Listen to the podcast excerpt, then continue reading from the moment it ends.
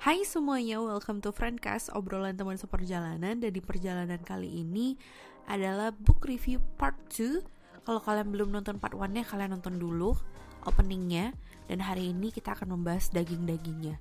Jadi stay tune dan jangan lupa untuk ambil notebook kalian, ambil jurnal kalian. Kalau belum, kalian bisa visit di Tokopedia atau Shopee untuk setiap pembeliannya. Mungkin aja ada free ongkir dan mungkin aja ada diskon. So make sure to check out your e-commerce dan tag us when you buy it. Alright, thank you. Enjoy. Kalau kalian sering dengar leadership atau how to find your purpose, pasti the first questions yang mereka bakal ask itu adalah what do you want, ya kan? Uh, that's definitely the first question gonna ask. Dan sering kali kita tuh jarang untuk di guide secara detail gimana caranya untuk menjawab pertanyaan ini. Nah, si Michael Hyatt ini dia mem memberikan kita pandangan baru yang sehingga membuat kita tuh berpikir gitu. Yang benar-benar membuat kita berpikir, what do I want? Iya kan? Dan itu yang dibutuhkan ketika kita membangun visi. Kemudian is it clear? Of course. Setelah setelah kita drafting apa yang kita mau, kemudian terakhir ya dia akan mempertajam lagi gitu. Ini clear ini in our own mind atau ini kayaknya masih cuman di abang di awang-awang gitu. Jadi dia akan membantu kamu. Um, banyak questions questions ada 10 questions dan dia membahas buku ini merangkup segala sesuatu tentang bagaimana membuat visi itu dengan menja dengan into 10 questions gitu. Dan dia membahasnya dengan bahasa yang sangat praktis bahasa sehari-hari uh, bahasa Inggris yang sehari-hari jadi udah pasti kalian tahu. Kemudian juga storytellingnya keren banget sih. Gila. Kalian harus baca buku ini bukan karena aja kontennya bagus tapi kalian juga bisa belajar the best writing yang menurut aku give you the hook at the very first page when you are reading it. Karena storytellingnya dia itu bagus banget bahasa Inggrisnya juga simple everyday dan hal yang lain yang aku suka selain dia membagi uh, membagi ke dalam 10 questions dan juga cara penulisan storytellingnya uh, bahasa yang sehari-hari isi kontennya juga uh, itu sangat menarik karena banyak pemaparan-pemaparan baru nih.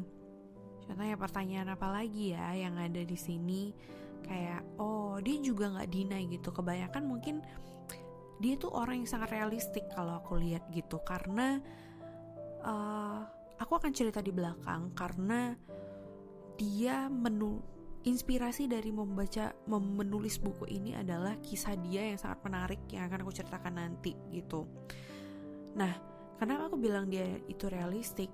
Karena karena dia sudah mengalami duluan dan dia tahu struggle-nya kita semungkin struggle-nya kita sebagai seorang manajer nanti, struggle-nya kita menjadi seorang leader itu apa. Jadi dia juga membahas tentang gimana caranya how how we should face resistance. Dan dia memberikan kita realistik misalnya contohnya yang paling aku suka adalah ketika lo melakukan perubahan, ketika lo membawa visi misi, creating visi misi, you should expect resistance. And he is very clear on that first. Dia clear banget, dia jelas banget untuk bilang lo harus expect resistance, nggak mungkin nggak ada gitu. Dan dia pun belajar dan dia itu kasih tahu kita gimana cara uh, how to face this resistance. And Nah, ini juga mungkin ada teman-teman kalau misalnya ada ada teman sekerja atau papa mama atau om tante yang lagi mungkin udah jauh tua gitu di atas umur kalian uh, mungkin ada beberapa dari kita akan berpikir is it too late for me to start to create a vision dan dia memberi jawaban bahwa it's not apa pun kondisi kalian, apa pun kondisi company kalian, apa pun kondisi letak age kalian di mana, dia akan memberikan pemandangan baru. Aku bahkan bisa aku bilang kayak solusi di setiap stage of your company in. Misalnya kayak di stage um, startup. Uh, kalau kalian di startup gimana ya kan? Startup is definitely easy because you start from scratch. And when you are in the stage of rising uh, itu udah mulai tuh resistant ya kan? Kemudian transitioning. Dan bahkan ketika kalian udah sampai di mature and legacy dia itu mempunyai solusi gimana caranya apakah masih bisa berubah gitu. Dan paling menariknya lagi adalah ini I have to I have to admit dia paling sangat realistik adalah ketika dia bilang bahwa visi itu tidak harus bergantung hanya kepada ketika kita menemukan visi ini kita udah drafting ya kan? Kita udah make sure that this is clear. Kita make sure bahwa this is the one gitu. Dia akan make sure lagi ke kita bahwa uh, kalian nggak perlu berpatokan pada ini gitu. Dan dia memberi example beberapa company yang menurut aku mind blowing banget yang sebelumnya itu ceritanya aku tuh nggak kepikiran dan ternyata this access gitu so dia bilang bahwa you lo nggak perlu berpatokan sama ini. Visi itu bisa berubah di tengah jalan. Yang penting kata kunci adalah as long as it works. The key is to make the company works. Dan dia memberikan contoh aplikasi mungkin kalau teman-teman di startup yang kerja di startup di sini. Dan kalau teman-teman lagi mempersiapkan diri untuk kerja di startup kalian pasti akan menggunakan aplikasi ini namanya Stack nah company Stack ini awal mulanya itu ternyata adalah um,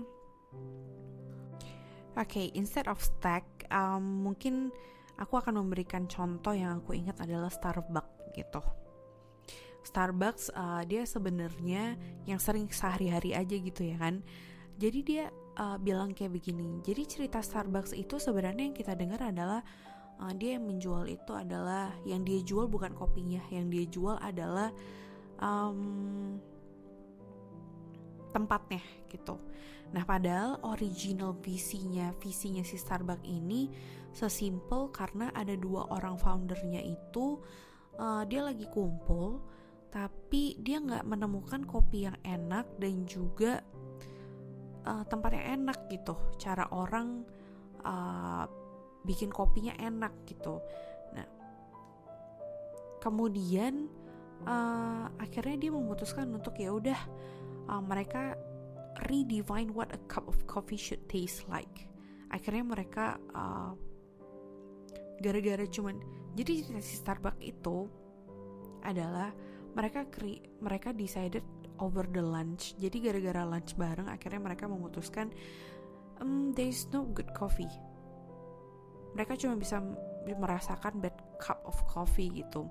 Jadi tiga founder ini di awal itu mereka decided untuk redefine what a coffee should taste like gitu. Jadi di tahun 1971 tiga orang ini uh, dia kayak sewa tempat di Seattle, Amerika Serikat dan yang mereka jual itu adalah coffee beansnya instead of the coffee. Nah, kenapa bisa sampai jadi Starbucks? Ini juga lucu dan kalian pasti menemukan ini sangat interest, sangat menarik sekali. Kalian akan menemukan ini menarik sekali just because one of these founders went to the UK jadi di sana kayak ada pameran tentang mesin-mesin kopi gitu and this founder loves the machine coffee karena desainnya bagus just because of the design dan dia pikir hmm, kenapa enggak? Kenapa enggak kita taruh uh, mesin kopi ini terus kita buat gitu? Dan bukan berarti uh, mereka selling beans yang laku justru selling beansnya laku banget gitu.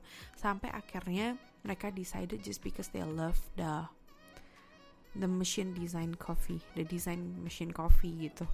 Jadi kayak alasan itu dia beli dia beli dia bawa pulang dan akhirnya dia create a cup of coffee dan akhirnya menjadi display as a gathering gitu for perfect drink jadi awalnya sereceh itu gitu dan another thing dia Thank you for listening to part 2. Until we meet in another journey, stay safe and God bless you all.